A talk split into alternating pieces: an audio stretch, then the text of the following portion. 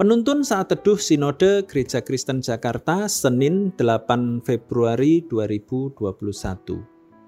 Di manakah engkau? Kejadian 3 ayat 1 sampai 9. Adapun ular ialah yang paling cerdik dari segala binatang di darat yang dijadikan oleh Tuhan Allah. Ular itu berkata kepada perempuan itu, "Tentulah Allah berfirman, semua pohon dalam taman ini jangan kamu makan buahnya, bukan?" Lalu sahut perempuan itu kepada ular itu, "Buah pohon-pohonan dalam taman ini boleh kami makan, tetapi tentang buah pohon yang ada di tengah-tengah taman, Allah berfirman, "Jangan kamu makan ataupun raba buah itu, nanti kamu mati." Tetapi ular itu berkata kepada perempuan itu, Sekali-kali kamu tidak akan mati, tetapi Allah mengetahui bahwa pada waktu kamu memakannya, matamu akan terbuka dan kamu akan menjadi seperti Allah, tahu tentang yang baik dan yang jahat. Perempuan itu melihat bahwa buah pohon itu baik untuk dimakan dan sedap kelihatannya. Lagi pula pohon itu menarik hati karena memberi pengertian Lalu ia mengambil dari buahnya dan dimakannya, dan diberikannya juga kepada suaminya yang bersama-sama dengan dia, dan suaminya pun memakannya. Maka terbukalah mata mereka berdua, dan mereka tahu bahwa mereka telanjang. Lalu mereka menyemat daun pohon ara dan membuat cawat. Ketika mereka mendengar bunyi langkah Tuhan Allah yang berjalan-jalan dalam taman itu pada waktu hari sejuk, Bersembunyilah manusia dan istrinya itu terhadap Tuhan Allah di antara pohon-pohonan dalam taman. Tetapi Tuhan Allah memanggil manusia itu dan berfirman kepadanya, "Di manakah engkau?"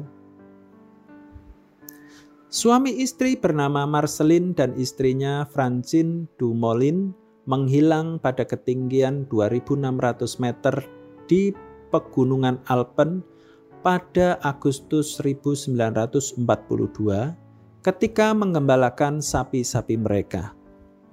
Putri bungsu mereka yang telah berusia 79 tahun berkata bahwa ia dan keenam saudaranya telah menghabiskan waktu hidup mereka mencari orang tua mereka yang hilang. Ketika Adam dan Hawa bersembunyi karena tahu bahwa mereka telanjang akibat makan buah yang dilarang, Allah mencari mereka. Walaupun mereka berusaha bersembunyi karena mereka takut, namun Allah tetap berseru, "Di manakah engkau?" Kenapa Allah mencari manusia yang telah melanggar perintahnya? Jawabannya adalah karena kasih. Allah adalah kasih.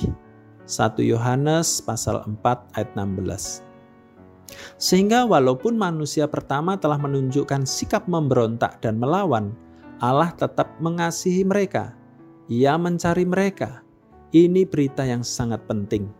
Allah karena kasihnya yang besar berkenan mencari manusia berdosa dengan mengutus anaknya sendiri, memikul dosa manusia berdosa, memulihkan keadaan mereka, dan memberikan kepada mereka jaminan hidup yang kekal. Yohanes 3 ayat 16. Allah mencari manusia berdosa adalah inisiatif dan kehendak Allah sendiri yang berdaulat. Hatinya melimpah dengan kasih sempurna. Kasihnya diberikan kepada manusia supaya manusia memperoleh keselamatan hanya dengan cara Allah dan bukan dengan cara manusia. Allah lah yang memperakarsai penyelamatan itu. Allah telah mencari dan menemukan kita karena kasihnya ia telah memulihkan hidup kita, semua karena anugerahnya. Jika kasihnya begitu besar atas kita, dan kasih itu diberikan cuma-cuma, bagaimana respon kita? Ini berita yang berulang kali kita dengar. Apakah kita menganggap remeh kasih dan karyanya? Mari kita lebih mengasihi dia lebih sungguh lagi. Bagaimana wujudnya? Yakni dengan selalu dekat kepadanya, melakukan firman-Nya. Selanjutnya, mari kita mengasihi sesama kita tanpa syarat, mengasihi dengan tulus dalam bentuk tindakan nyata yang dirasakan dan dilihat oleh sesama kita. Allah tetap mengasihi kita, maka kita pun harus tetap mengasihi Dia dan sesama. Tuhan Yesus memberkati.